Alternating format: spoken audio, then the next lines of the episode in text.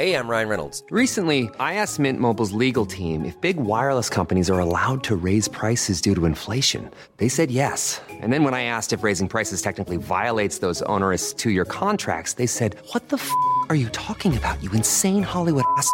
F- So to recap, we're cutting the price of Mint Unlimited from $30 a month to just $15 a month. Give it a try at mintmobile.com slash switch. $45 upfront for three months plus taxes and fees. Promo rate for new customers for limited time. Unlimited more than 40 gigabytes per month. Slows. Full terms at mintmobile.com. Are you ready to enhance your future in tech? Then it's time to make your move to the UK, the nation that has more tech unicorns than France, Germany, and Sweden combined. The nation that was third in the world to have a $1 trillion tech sector valuation. The nation where great talent comes together. Visit gov.uk forward slash great talent to see how you can work, live, and move to the UK.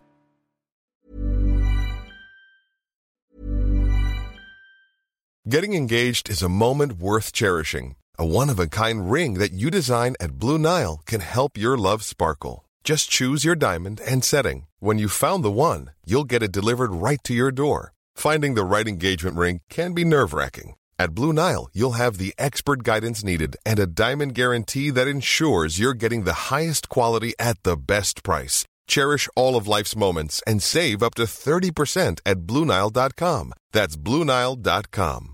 Hey, I'm Ryan Reynolds. Recently, I asked Mint Mobile's legal team if big wireless companies are allowed to raise prices due to inflation. They said yes. And then when I asked if raising prices technically violates those onerous two year contracts, they said, What the f are you talking about, you insane Hollywood ass? F- So to recap, we're cutting the price of Mint Unlimited from $30 a month to just $15 a month. Give it a try at mintmobile.com slash switch. $45 upfront for three months plus taxes and fees. Promo rate for new customers for limited time. Unlimited more than 40 gigabytes per month. Slows. Full terms at mintmobile.com.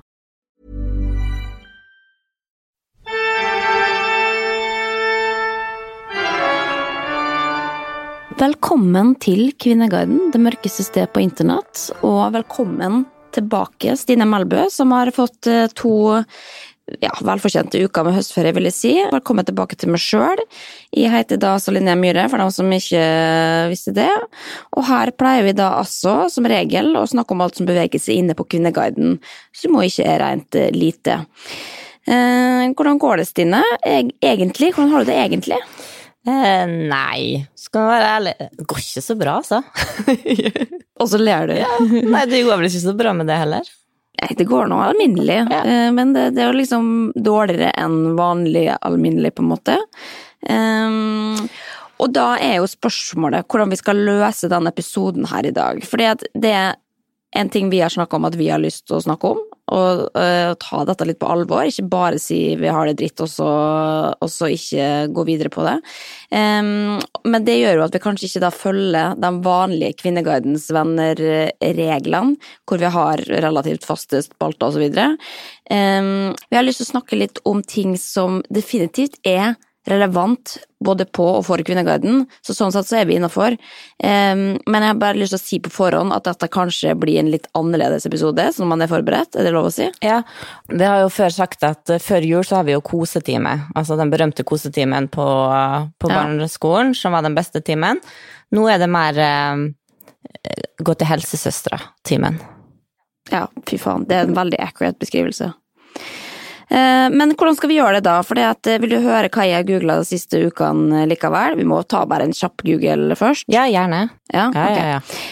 Ja, bare få oppdatert, for jeg har jo nå ikke delt noe da på et par uker, men jeg kan jo si, jeg kan oppsummere mine uker med papegøyetapet og Parasite House. Har du sett Parasite? Nei.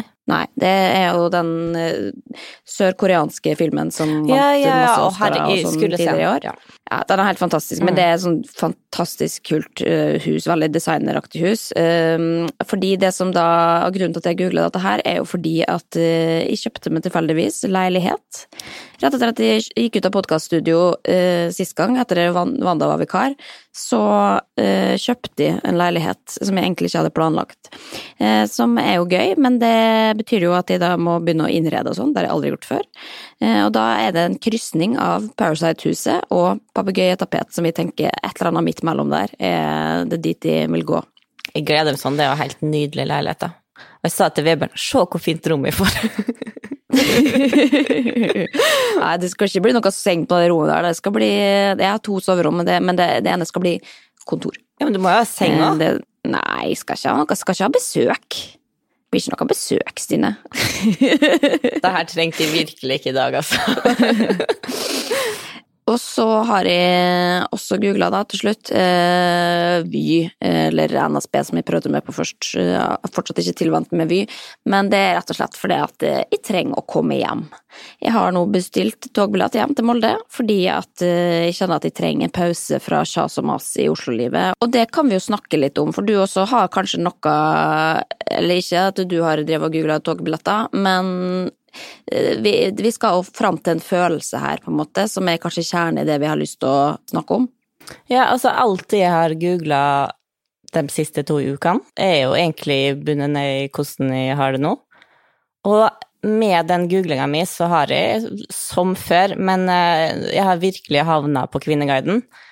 Og det er en del av Kvinneguiden som jeg verken har vært i privat, eller som egentlig vi har dykka ned i den podkasten her. Og det er helt uronisk, altså et sted som jeg har funnet mye trøst i. Og jeg føler liksom, vi har gått fra Vi starta jo Vi starta den podkasten her med at vi skulle jo ta Kvinneguiden på alvor. Men det var jo et, et stort lag ironi. Det må vi innrømme. Eh, Ja, ja, ja, og så føler jeg at det gradvis liksom har gått mer at vi har virkelig tatt det på alvor. Og vi har begynt å henge der mer og bruke det. Og nå har det liksom eksplodert for min del, da. Med, med tid brukt på Kvinneguiden. Jo, men eh, fortell da, det, hvilke tråder er det du har vært inne i det siste, som, som har hjulpet det, eller ikke hjulpet det, alt ettersom? Eh, nei, altså i august så ble jeg gravid, og da fulgte det med alle plagene jeg har i graviditeten, med epilepsien og kvalm og dårlig, og ja, ja, da jeg blir gravid, så er det ikke, det er ikke hvem som helst, da er apparatet i fullt sving, altså, skal jeg si det. Jeg føler meg, da føler jeg meg som, skulle tro jeg møtte Marit som gravid, da er det doktorer på alle, på, på alle kanter. Men altså, det har gått greit, eh, men jeg har egentlig bare gått og gleda meg til at jeg kunne fortelle, fordi eh, da kan jeg si til eh, kretsen rundt meg hvorfor jeg har vært et ubrukelig menneske i tre måneder. For det har jeg virkelig Ja, vært. for du har jo Nei, ubrukelig har det ikke vært, men du har jo hatt symptomer, ja. Du har vært kvalm og ditt og datt, men du har jo fungert, og jeg, jeg, jeg, vil ikke anse det som et eh, ubrukelig menneske. Eh, Men det er jo fordi at jeg har møtt mange andre med symptomer som syns enda mer synd på seg sjøl, eller som eh, syns at en sjøl er enda mer spesiell, da. Ja, men det er jo sånn ja, Altså, det har vært Jeg har ikke kunnet jobbe like mye som før. Altså, jeg har ikke Sånne ting, da. Og det er jo etter tre måneder så går det jo som regel bedre. Eller det merka jeg jo sist, så jeg på en måte også gleder meg til å komme litt ovenpå igjen. Men eh, det som skjedde, var at for to uker siden, altså en time før vi skulle podkaste, så var jeg på ultralyd, og der så man at fosteret ikke levde lenger. Og kroppen trodde fortsatt den var gravid, så fosteret var ikke støta fra seg, og det var altså en såkalt miss-abortion. Og det vil si at da måtte jeg ta en medisinsk eh, abort for å da få ut fosteret. Og må, det er på topp jævlige beskjeder jeg har fått i mitt liv, altså. Det skal jeg innrømme, og spesielt liksom Koronaen har jo bestemt at eh, partner ikke får lov til å være med inn på ultralyden, så du ligger jo her aleine med masse fremmede folk som begynner å prate legespråk, og ikke til meg, men som på en måte jeg ikke skal forstå, hvis du skjønner. Som jeg forstår med en gang hva som har skjedd, og ja. Og også den derre faen, altså, hvordan skal jeg komme meg ut herifra? Og gå forbi alle de gravide som sitter på venterommet og liksom sykle hjem. Altså, jeg gidder faen ikke sykle gjennom Storgata grinende. Men, spørre, men, men gråt du da? Hva var reaksjonen din da du fikk vite det? Ja, ja. Der gikk det i full gråt. og det er egentlig sånn, jeg føler meg sånn Det veit jo du, jeg er jo liksom en realist, og jeg har tenker at Og også pessimist, og tenker at alt eh, kan gå galt. Og prøver på en måte å forbe, sånn, Jeg alltid liksom forbereder meg til hver time hos ultralyd at herregud, det kan være noe. Men allikevel så kan du faen meg ikke forberede på det på den skuffelsen som kommer, da. Og sånn er det bare. Men grunnen til at jeg egentlig ønsker å dele det her i poden, er at ganske tidlig, altså en av de første tankene som slo meg eh, da jeg fikk den beskjeden, var liksom hvor takknemlig jeg var for dem jeg kjenner som har opplevd det, som har fortalt det til meg fra før. Altså, jeg følte meg veldig Selv om det er ikke mange, og du, du, du føler jo egentlig at du går rundt at det går bra med alle, men, men dem som har fortalt meg, følte sånn Herregud, det, det er ikke bare meg. Og da, på en måte så følte jeg meg mindre aleine med det. FHI skriver at risikoen for at et svangerskap skal ende i abort, er 12,8% som det vil si om lag ett av åtte svangerskap. Så statistisk sett, hvis vi tenker på hvor mange lyttere vi har, så er det mange som hører på som har opplevd det, og det er dessverre, og det er også dessverre flere som hører på som kommer til å oppleve det en gang i livet. Det er liksom snakka med legen min om òg, at det er, liksom, det er dessverre en ting som mange velger å holde for seg sjøl, og ikke dele. Eh, og jeg vil egentlig bare oppfordre folk til at havner i den situasjonen, ikke gå og bære på det sjøl. Og jeg har fortalt det til eh, familie og venner og alle rundt meg, og for hver gang jeg liksom har fortalt det, så har det egentlig føltes litt lettere også. Mm. At det er en sånn slags ventilasjon, og det tror jeg også sånn traume i livet, eller når ting skjer. Jo flere ganger du går gjennom det, jo lettere blir det. Altså, du pakker det på en måte ikke bare inn og så gjemmer det, men du, du får det ut, og du får lufta det. Eh, jeg tror også det kan være lettere å, å gå videre. Ja, hele hensikten med å Eller altså det, det å sette ord på følelsen er jo udiskutabelt veldig konstruktivt for, for deg sjøl, for at du skal komme deg videre i prosessen, men når det er sagt også, så eh, så er man jo forskjellig, så det er jo ikke Selv om det kanskje er det riktige å gjøre, eller om det er det riktige å gå til psykolog, på en måte, så er det jo ikke alle som får til det heller, og det tenker jeg er viktig å liksom også understreke Ja, ja. at selv om man ikke greier å si det til alle, så, så er ikke det feil heller, på en måte, men så lenge man i hvert fall deler det med en eller to, Ja, så er det kanskje liksom nok, da. Man trenger jo ikke sitte og fortelle det i en podkast eller, eller kringkaste eller skrive på Facebook, altså det, det må man jo bare styre sjøl, på en måte. Ja, og jeg tror altså jeg gjør dem jeg fortalte til før ja, podkast Kvinneguidens venner venner er indre krets, så det er Det dere, er og så er det den andre indre kretsen min, eh, in the real life, som, eh, som jeg fortalte til, da. Jeg har jo sittet på Kvinneguiden og lest om andre som har opplevd akkurat det samme. Eh, og da ser jeg at folk håndterer det forskjellig. Altså for noen så er det like stor sorg som å miste et familiemedlem, mens andre lar det ikke påvirke seg så lett og tenker bare sånn Ja, men da gikk det ikke denne gangen, da prøver vi på nytt. Og det er jo ingen fasit på hva som er rett og galt. Altså, alle sørger og tar ting forskjellig, og sånn er det bare. Og det må vi også la folk gjøre. Og for meg så um, føler jeg egentlig at jeg har hatt det litt begge deler, for jeg har jo vært, og er, lei meg. Men så har jeg også tenkt liksom at jeg ikke egentlig har lov til å være lei meg. Fordi at det er jo så Hvorfor ikke? Nei, det er så mange som opplever verre ting, da. For eksempel, har du hørt podkasten til Harald Eia som heter Tobias? Ja. Ja, den handler jo om at uh, han og kjæresten fikk en sønn som døde etter en-to måneder på sykehus. Der den forteller, og den er helt Altså, den er helt, helt jævlig å høre, men den er også så fin. Altså, på en måte Jeg, jeg skjønner ikke at de greier det, å sitte og fortelle, fortelle så bra om det. Og det å tenke er superviktig og fint for andre i samme situasjon.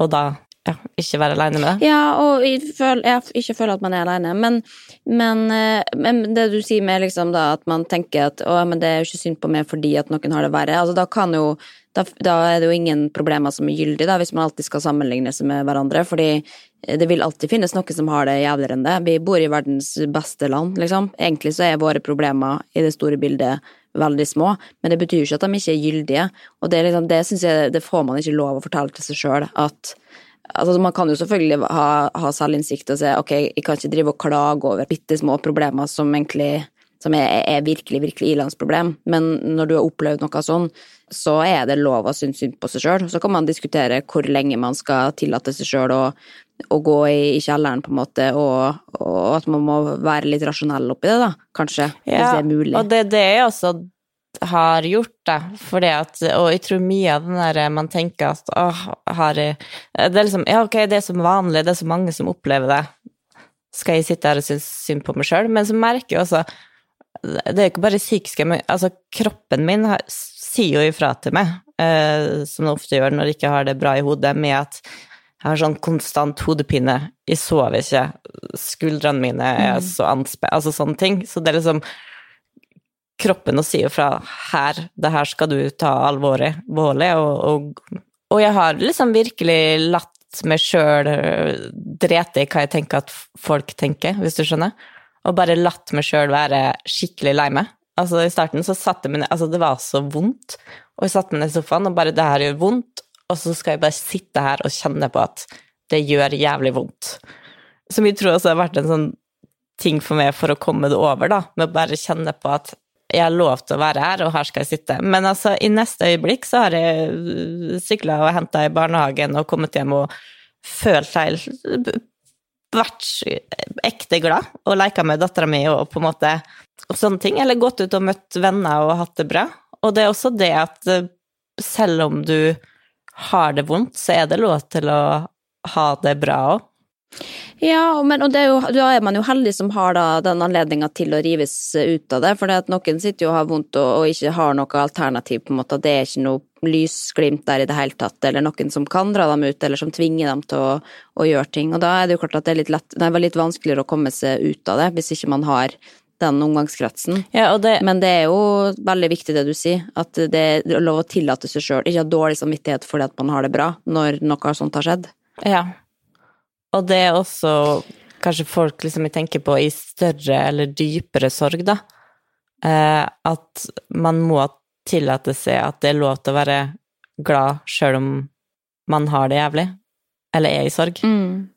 Men kan jeg spørre deg, for det at liksom, og dette syns jeg er litt interessant, og det er det jo i alle lignende situasjoner, eller i kriser, på en måte, og da, når du da fortalte det til meg, em, så syns jo eh, så er det jo veldig vanskelig for dem rundt også å takle det, fordi at em, ikke at jeg kan sette meg inn i situasjonen, på en måte, eller sånn, men, men det er også vanskelig å vite hvordan man skal behandle det, da, fordi at man ikke har ikke vært med på en sånn hendelse før i det, og jeg vet ikke hvordan du vil at, at vi rundt skal, skal ta det. Vi, ja, man har bare lyst til å slippe alt man har i hendene og si kom, jeg skal, jeg skal hjelpe det, på en måte, jeg skal fikse det for det, men samtidig så har du dine når de der ringer, så tar ikke du telefonen, og, og egentlig åpenbart, på en måte, men man føler seg også så hjelpeløs, da, fordi at man veit ikke hva Altså, det å være liksom pårørende, på en måte, også, i en sorg, og det er ikke nødvendigvis bare akkurat i dette tilfellet, men hva er din erfaring oppi dette her, da, med når du sier det til folk, hvordan vil du på en måte at folk skal reagere eller behandle det? Skal vi synes synd på det og, og lytte, eller skal vi Det er vanskelig å liksom vite hva man skal gjøre rett, da, for at man føler seg så maktesløs. Det er jo ingen Nei, jeg veit ikke. Og det er vanskelig å si hva som er rett og galt, men det er altså, jeg måtte jo si det til deg. Du satt jo i studio og venta. Herlig. Takk til Wanda, som bare stilte opp og var vikar. Men ja. du satt jo og venta i studio på at de skulle komme, så jeg måtte jo si det til deg veldig raskt. Og da jeg starta, eller de første to dagene, så ville jeg ikke snakke med noen. Altså, jeg kunne Nei. sende melding, men jeg hadde bare ikke Jeg hadde bare lyst til å være aleine uh, i det. Men det eneste egentlig at jeg føler at jeg trenger, eller syns er fint, det er bare at folk spør hvordan går det. Og at venner Ja, og og du- er med på eh, ting. Tar meg ut og på en måte prøver å, å gjøre det glad, men også på en måte ja, lar, lar meg snakke om det da jeg har lyst til det. Ja, for det er en veldig vanlig reaksjon Eller liksom når man prøver å hjelpe noen som har det vanskelig, og det kan jo eksempel være hvis folk er deprimert og skrudd av på den måten også, at man, man prøver å hjelpe, og så får man ikke noe tilbake igjen. Og det liksom Det kan ofte være en vanskelig kommunikasjon, da, for man, man har lyst til å hjelpe, men når du da ikke får noe tegn på at man har lyst på hjelpa, på en måte, så er det lett å bare gi opp veldig fort. Hvis man da ikke får et svar, så tenker man å ja, ok, men da skal jeg ikke plage vedkommende, og så lar man dem bare være alene. Men det viktigste er jo at man liksom sjekker inn og faktisk da tør likevel å spørre en gang ekstra, selv om ikke du fikk svar den forrige gangen, for å faktisk vise omsorg, da, selv om man ikke på en måte greier å ta det imot nødvendigvis, så er den omsorgen og det husker jeg fra jeg har vært veldig deprimert sjøl, på en måte, og jeg bare har sagt nei takk, nei takk, nei takk. Og dem som da har gitt opp, på en måte, fordi at de har syntes det har vært så ubehagelig å få nei takk, da blir det jo til at det er ingen som sitter igjen, på en måte, da. Og da har man jo da mister man jo seg sjøl og alt, liksom. Da blir det jo mye vanskeligere også. Så det er jo det å å prøve igjen, da. Men det er jo en, en vanskelig rolle å ha å være pårørende også, og prøve å gjøre det riktig, for at at man er så redd for å trå feil, og da er det enklere å bare trekke seg unna og si ok, men si fra du, når du har det bra igjen, på en måte. Og det er jo egentlig det motsatte. Må, det er jo ja. når noen har det tøft at man skal være der. Ja, det er veldig sant, og sånn som jeg følte at jeg trengte å Jeg hadde ikke lyst til å si det til folk face to face, altså jeg ville sende det på en melding, mm. fordi det var lettest for meg. Og da jeg var det mange som prøvde å ringe, og av og til så Altså sånn Jeg tok den hvis jeg følte for det, eller liksom ringte tilbake, men det er også det at du liksom Hvis ei venninne ringer, og ikke tar den da, men at du da det er jo ikke sånn at de ikke vil prate med deg for resten av livet. Altså sånn. Og det er jo helt sant hvor viktig det er å på en måte bare å sjekke inn videre, og ikke være redd for å ja, akkurat det du sa. Selv om du blir avvist en gang, prøv igjen i morgen, liksom. Ja, ikke slutt å Eller bare prøv, fortsette å banke på. Man skal ikke bryte seg inn og 'nei, nå tar jeg ikke din telefon, da må jeg kjøre hjem til henne', liksom. Men, men at liksom at man også gir litt slack også, da. Men at man passer på å sjekke inn og vise at man faktisk bryr seg. Mm. Um, uten at man nødvendigvis kan gjøre så mye. Det er liksom det, det, det er så mye i dem, den lille omsorgen å spørre hvordan går det. For da veit du i hvert fall at de tenker på det og bryr med, liksom. Og det Da ja. føler man seg også litt mindre aleine. Og det var På lørdag så var jeg med flere venninner av barn, og de drev og lekte, liksom. Og da alle kom til litt forskjellige tider, og det er jo på en måte ikke settinga og Altså, Paula veit jo ikke det her settinga og drive og snakke veldig mye og, og, høyt om det, men bare at da liksom de Alle da kom liksom på et tidspunkt Altså når det passer seg, si hvordan går det nå? Og så trenger man ikke prate så mye om det, men hvor godt det er på en måte bare å bli sett på den måten. Og det er heller ikke det at jeg tenker eller forventer og vil at da alle rundt der skal Nå skal vi sitte og prate det her i hjel, liksom. Jeg trenger ikke det. Jeg trenger bare at folk eh, ja, spør.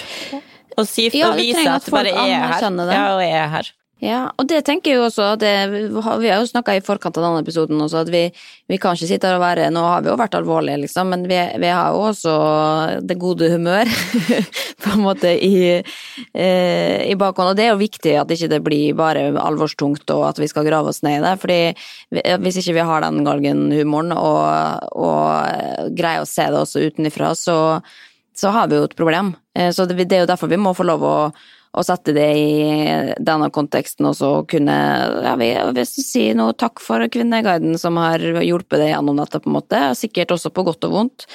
Og jeg, jeg syns jo du, du, prater veldig ordentlig og bra om det, på en måte. Det er alvorlig samtidig som du også er Det er jo ikke alle som hadde greid å gjøre det du gjør, og, og snakke om det på den måten, da.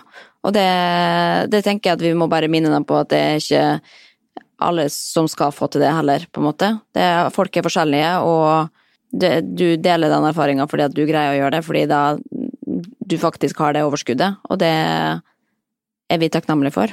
Ja, og som du sa, så det var ikke en oppfordring til at uh, hvis det skjer med det, så må du dele med hele verden. Det var mer si det iallfall til én person.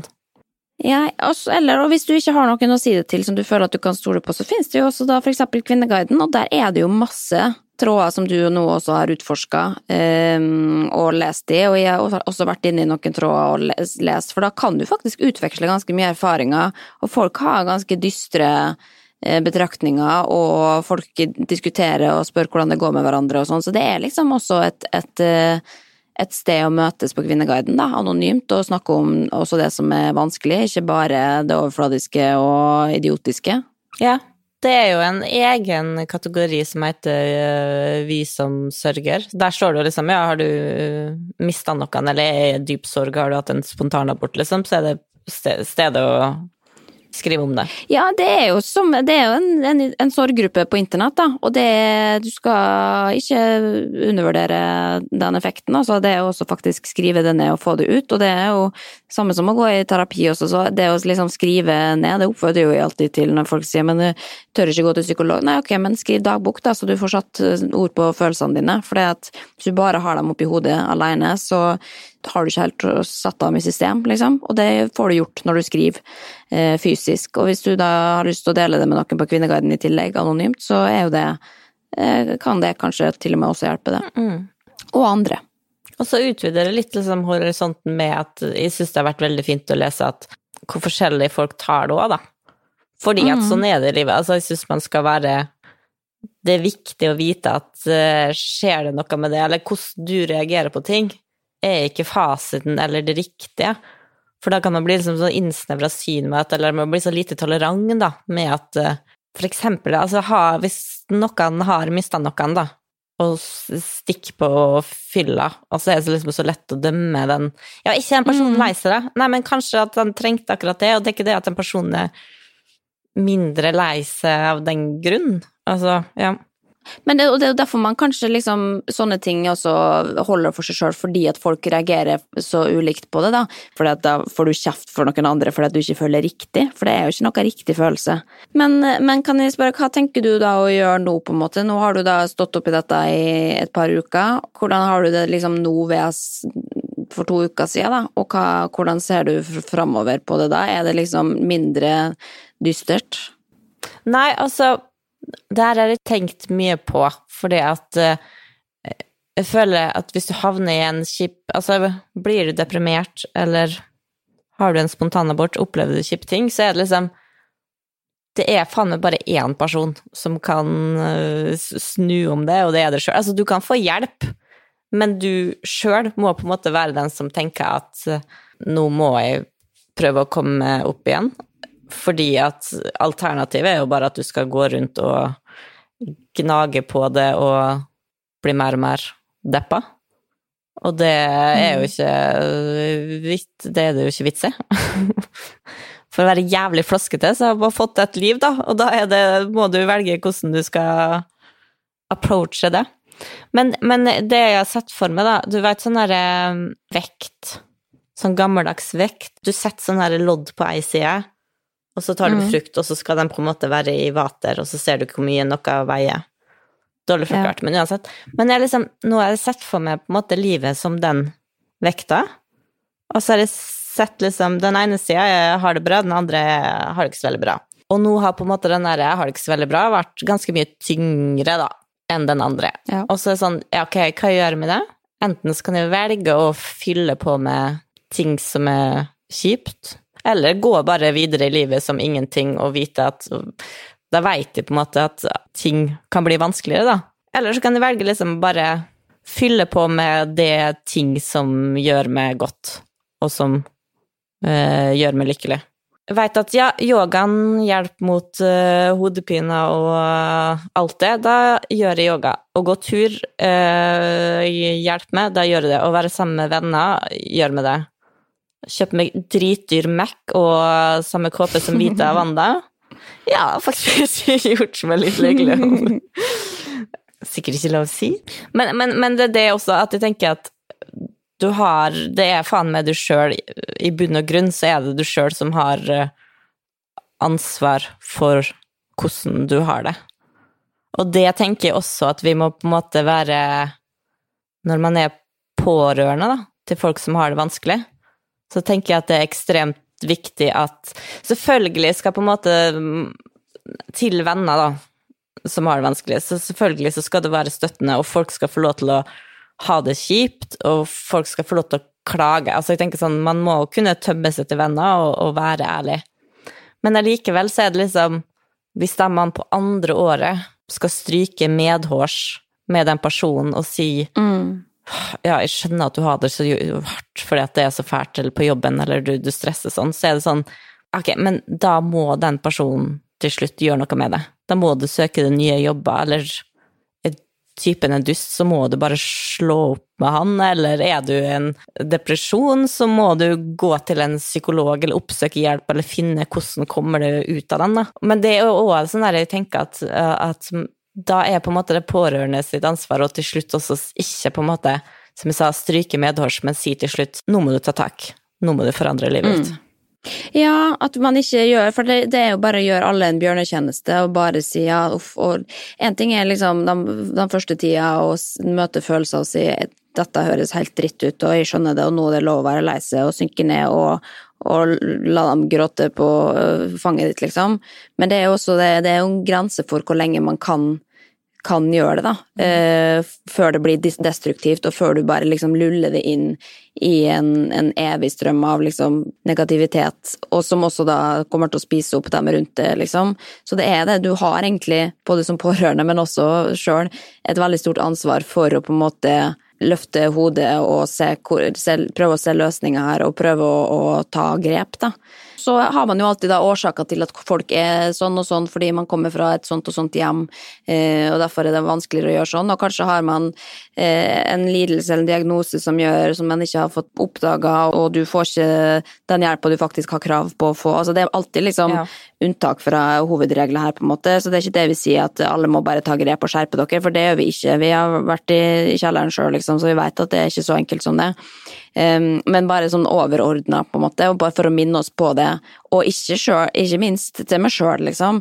Det, jeg kan ikke drive og sitte og synes synd på meg sjøl hvis jeg har en eh, dårlig dag. Eller jeg kan, jeg kan gjøre det, men jeg kan ikke drive og gjøre det over lengre tid, for da veit jeg at du Da framkaller du noe du egentlig ikke hadde trengt å ha, da, fordi at du bare liksom Du lager din egen onde sirkel. Og det å være bevisst på det, at ikke du liksom lar det sjøl rive med i din egen selvdestruktivitet, tror jeg er liksom det viktigste man lærer seg sjøl på et eller annet tidspunkt. Mm. Og det er lov å sette seg ned og tenke at nå har jeg det helt jævlig dritt, og kjenne på den vonde følelsen. Men da, hva gjør du etter det, da? Da må du faktisk gå ut i Ja. verden og gjøre noe som gjør deg glad. Ja, ta og gjør noe som er konstruktivt for deg sjøl. Jeg, har alltid tenkt det fra når jeg har vært eh, bloddeprimert og ikke greier å se liksom For da ser man ikke noe ende på det, da er det bare mørkt i, i enden av tunnelen. Og da, da husker mamma har lært meg at vi sa nå tar vi én dag av gangen. Og kanskje det er dårlig i dag, og så får du en bedre dag i morgen. Kanskje det er dårlig i morgen også, men det kommer bedre dager, og det er det vi må liksom minne oss på. Men det er jo lett for, for meg å si, som har da på en måte overvunnet en depresjon før, så jeg veit at det har gått over, liksom. Og det gjør jo også at når jeg da plutselig nå sitter og kjenner på at jeg er redd for å få en høstdepresjon igjen fordi jeg har kjent på liksom symptomer av det, så, så veit jeg også at det går bra, da.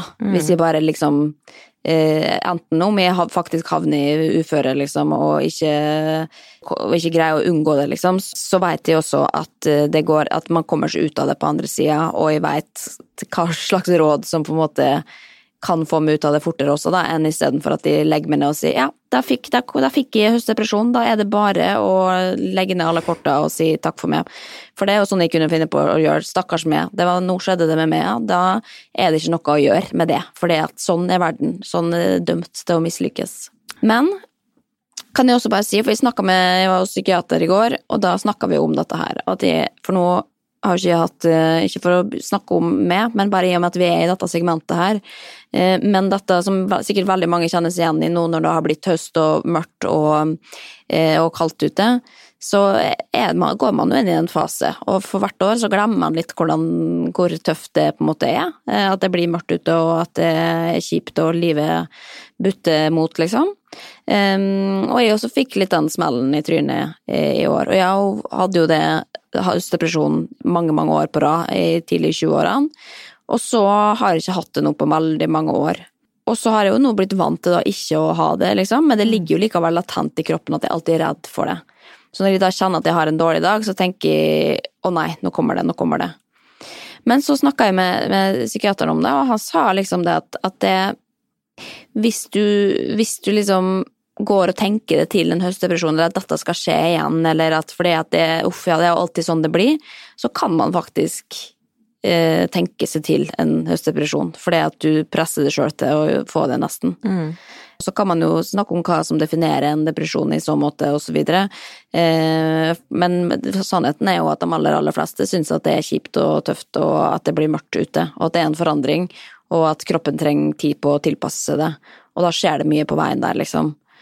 Eh, Så etter at vi snakka om det, så ble jeg egentlig litt beroliga for at Eller jeg ble, nei, jeg ble enda mer bevisst på at da skal jeg i hvert fall ikke liksom pushe meg sjøl til å få en høstdepresjon bare fordi at ja ja, det var det jeg fortjener nå, nå kommer vel dette. Sånn som jeg har kanskje en litt eh, tendens til å gjøre da, med ting. Og det tror jeg er liksom litt fint å vite for andre også, da. At vi kan, vi kan faktisk, som du sier, bruke den vekta, liksom, og hele tida prøve å balansere ut, jevne ut, sånn at man ikke driver og legge masse ting på den negative sida, og faktisk plassere seg sjøl på et jævlig kjipt sted, da, fordi at du tenker at det er der du fortjener å være. Det er noen som får alt, og så er det andre som Det er, men det er faktisk noen får som får alt. Men hvem er det vi på en måte ringer til og henvender oss til og sier du, nå er det noe som har fått alt her, hvem er det vi kan klage til, hvilket organ er det vi klager til? Det, men det er jo på en måte, det er ikke noe du får ikke gjort noe til det der, sjøl man kan jo hytte med neven mot Gud, på en måte. Eh, Kanskje det har en effekt, jeg vet ikke.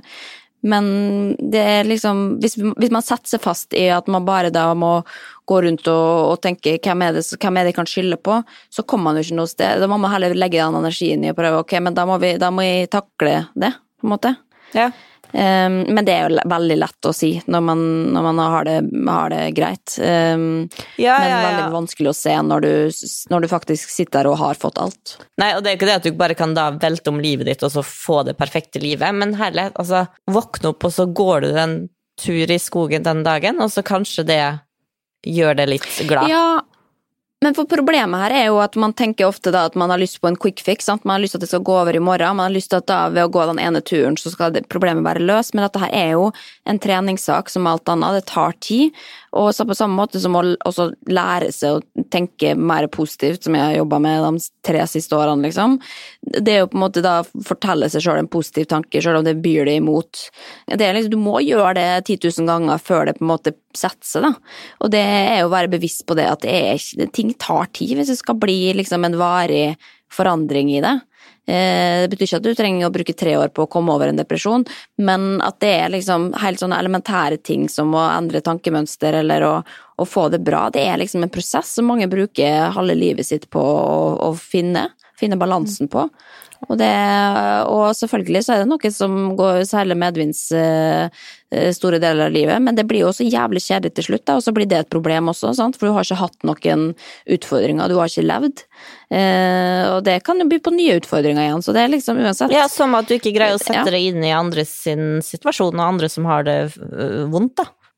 Ja, eh, så jeg er glad for at jeg har fått de, eh, de stormene jeg har fått. Det er sånn at jeg vet at da kan jeg komme ut av ganske mye. Jeg vet at de takler mer enn jeg trodde at de skulle takle. Eller, og at jeg har fått oppleve det istedenfor at jeg plutselig skulle oppleve det når jeg var 40, på en måte.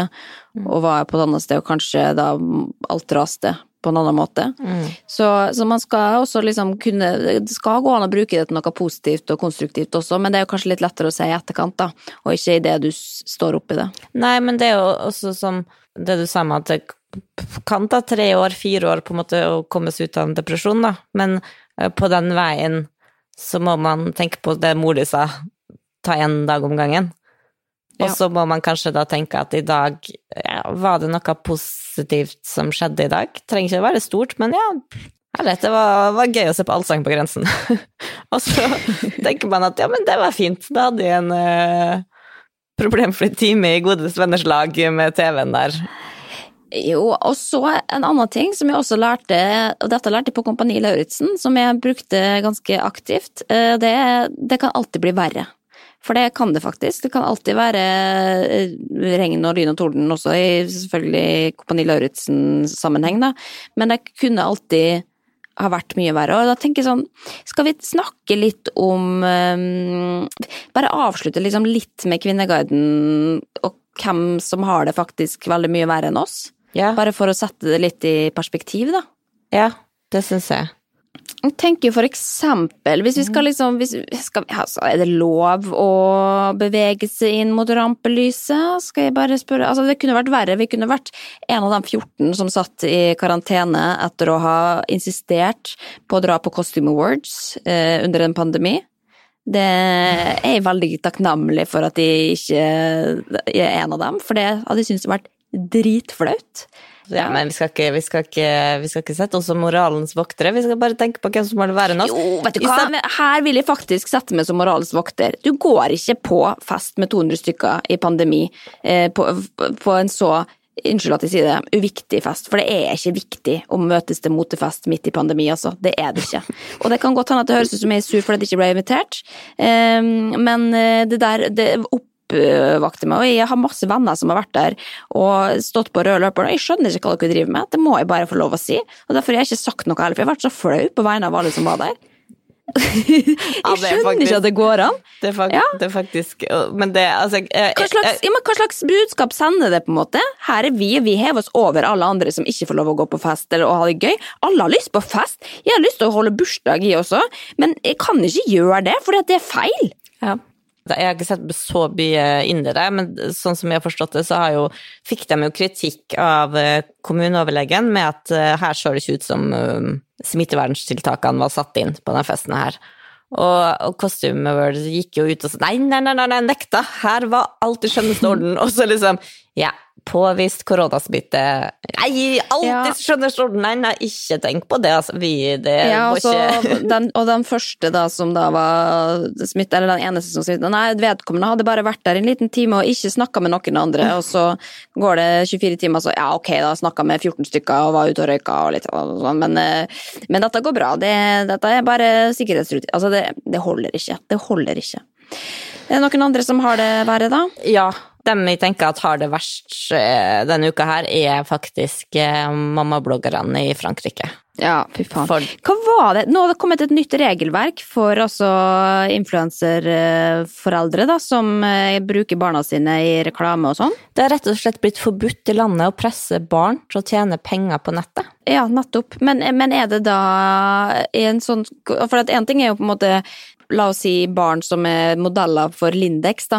Det er jo også å tjene penger. Da er det jo barnemodell, på en måte. Men er det, det er en annen jobb på VS eh, å være influenser, eh, født influenser. Og brukes i stokkereklame, liksom. Det er en ting det, det, det er vel litt Altså, det er på en måte forskjellen med å være barn på en reklameplakat og et barn som Det her barnet kjenner vi, for det her har en egen Instagram-profil, eller det her Ja, så da hvis, eh, hvis eh, Camilla Pil hadde vært fransk og skulle lansere den der David Andersen-kolleksjonen sin, som da er med bilde av eh, baby på brystet og smykker, så hadde det kanskje falt under ulovlig, rett og slett, i Frankrike. Dessverre. Kan være glad at man er norsk, da, men jeg må jo si at jeg, jeg hadde ikke mislikt at den loven kom, kom hit. Jeg, satt, jeg så akkurat en Jeg Skal ikke nevne navn, men en influenser som hadde liksom delt eh, noe veldig personlig. Personlig brev som dattera hadde skrevet. Og jeg tenker sånn herre Og så snakka vi med Vebjørn, han bare «Å, Fy faen, altså. Sånn at uh, slettmeg.no kommer til å få en så stor jobb om noen dager. med Ja, alle men, men også bare sånn derre Hvordan skal du forsvare deg, da, hvis barnet liksom kommer og bare det, det du la ut der, var ikke greit, eller jeg er flau over det. Bare sånn Ja, men nå må du tenke, huske på alle de fine feriene du har hatt i oppveksten, og alle de fine klærne og tinga dyre. Vi hadde ikke hatt råd til det hvis ikke du hadde stilt opp med julepushene fra staycool.no, liksom. Så sånn er det. Nei, og, det, og dette er jo også argumentet, og det jeg har lest altså, mammabloggersakene hvor, de- hvor mammabloggerne skal argumentere for at de holder på sånn, og da er det jo nettopp derfor at jo, men da får vi, da kan vi bruke, da får vi litt ekstra penger, og det gjør at vi får en ekstra eh, bra barndom for dem, og vi kan være hjemmeværende og sånn. Og så vil jo de lærde strides om hva som er viktigst og riktigst, Eh, men nå må vi da passe på at ikke vi ikke møter oss sjøl i døra og blir fordømmende, og med tanke på at vi har allerede sagt at folk har ulike følelser rundt ting, og det må folk få lov å ha, men, Ja, men, men altså, det sier jo noe om Når det blir ulovlig, da, eh, i Frankrike, så er det jo Da er vi jo da er det ganske tydelig at eh, det er noe litt annet, og at det kanskje vi veit alle hva som egentlig er riktig her. Nei, men det blir spennende å følge med på, da. Vi skal jo holde temperaturen på dette utover, men eh, det, det er i hvert fall folk som har det verre enn oss, eh, og noen ganger så kan det også være deilig å tenke det, at istedenfor å tenke uff, nei, men jeg har ja, det er der man tenker ja, men det er, jeg har mitt problem er så lite, fordi at eh, derfor har jeg ikke lov å synes synd på meg sjøl. Men noen ganger så kan man også tenke åh, jeg er glad for at jeg ikke fikk så mye som vedkommende, på en måte. Du, men er det noe annet vi skal si avslutningsvis, eller? kan jeg, kan jeg, kan jeg komme med med en glad nyhet for meg sjøl, da? Okay. Det hjelper ikke så mange Ja. andre. Men uh, altså, jeg var på Priksen en halvtime før det stengte, og der står han Inge. Han var ferdig på jobb, men han sto liksom i kassa fortsatt med en pose. Han så han var opprørt, da. Liksom, Hvem er Inge? Nei, som jobber på Prikstad. kan navnet deres. Ja, okay. uh, og Ja, okay. så ser jeg en, en annen kutt i butikken som står over en handlekurv og stresser og styrer, og så liksom ser han på meg og sier sånn ja, Gå bort og se den kurva der, for den er ikke her i morgen. Og da var det altså jeg skal springe og hente. Så det er gjemt det så godt, ikke bare for egen del òg, fordi hva er, hva er det vist frem? Nidar favoritter. Ja. Nidar sjokoladeplate. Og her er det ei som har vært i kjelleren og tenkt nå skal jeg, de fortjene all sjokolade Nei. i verden. Herregud, har du kjøpt Hvor mange kilo er dette til sammen? Se på prisen! Ti kroner? 10 kroner per stikk! Og det her koster jo faen meg 60 kroner til vanlig. Men det, det er ikke noe ut, utløpsdato der, da, som Jo, det eh, begynner å tikke mot helg? Å ja, ok. Ja da. Ja, det vil, vil ikke jeg valgt, men det får du dette styrer du sjøl. Men kan vi også si da, før vi avslutter, nå har det jo vært eh, altså, ja, det har vært 2020 da, kan vi si, og vi skulle jo egentlig vært på en turné i april. Vi skulle egentlig ha vært på en uh, turné i september, og så i oktober. Og så skjer, skjer livet, og så er det litt vanskelig å få til. Og vi har jo lyst til at det skal være en turné som, hvor vi på en måte er inne i en god flow, og at folk kan komme på show og synes at det føles trygt og gøy. Men eh, det var jo egentlig et show i Bergen som skulle være neste uke, eh, eller denne uka, da blir det. Det flyttes til nyåret. Vi kommer med nærmere datoer, og dere skal få informasjon dere trenger om billetter osv. Men vi har ikke glemt dere. Vi skal på turné, eh, men det er bare at vi Det er et, sånt virus som ja, noen ganger ikke er så lett å kommunisere med, og sette en konkret dato som vi vet at vi kan få til. Ja, herregud. Men hvor vi skal kose oss da vi endelig kommer på veien, altså. Men nå sier de Ja. at det kommer kanskje en, en, en vaksine i januar. Ja, nå skal jeg prøve å ikke være en pessimist, men eh, Nei da, dette blir bra. Jeg tror fortalte nå... til Paula i går at de jobber, prøvde å forklare at det jobbes med ei sprøyte, sånn at ingen får korona. Og for et smil på munnen hennes, altså. Hun skjønte at det her, og bare 'da skal vi ha fest'. Og hun bare 'ja, da skal vi ha fest'. Skal vi ha den i morgen? Nei, det blir ikke helt i morgen. men Nei, men jeg kjenner sånn at jeg har bestemt meg. Jeg tror liksom hodet mitt tror at eh, 1. januar så er covid borte, på en måte. Eh, og det er jo ikke sant. Men det, men det er som at man bare sier sånn ja, 2020, det var koronaens år. Og så veit du at det er ikke sant. Her også må jeg ta én dag av gangen. Ikke tenke så langt fram i tid. Nei, og det òg jeg har tenkt eh, altså, Ref Costume Awards og at folk vil, folk vil på fest, og jeg er lei. Jeg er drittlei, liksom. Det kjenner at det tærer på, men det er faen meg et eh, maraton vi eh, løper, og man må bare stå i det. Har ikke noe annet valg. Nei, vi er alle en del av dugnaden. dugnaden. Vi gjør det vi, vi kan og må, og håper at det holder. Skal vi sjekke ut, eller? Takk for at du delte dine ting i dag, Stine. Det tror jeg forhåpentligvis så, så kan det bidra til noen. Om det hjelper så bare én, så har vi gjort noe viktig. Ja, ja, ja, ja, Ja da. Neida, men, men helt ærlig, jeg setter veldig pris på det, og jeg er glad for at du hadde lyst til å dele det. Det betyr ikke at alle må, må fortelle det til alle, men at, eh, at forhåpentligvis så, så kan det være fint for noen. Og nå er det strålende sol i Molde, og jeg skal gå opp i marka og kose meg. Kanskje jeg skal ta med en sjokolade. Fortjent det Jeg kommer på besøk snart, jeg, så, Ja, det jeg meg så kan vi ta oss en tur i lag. Ja. Der sjekker jeg ut eh, fra internett. Eh, Vi snakkes på internett igjen, vi, innen eh, plutselig. Å noen timer. timer. Ok. Greit. Ha det. En podkast fra Egmont People.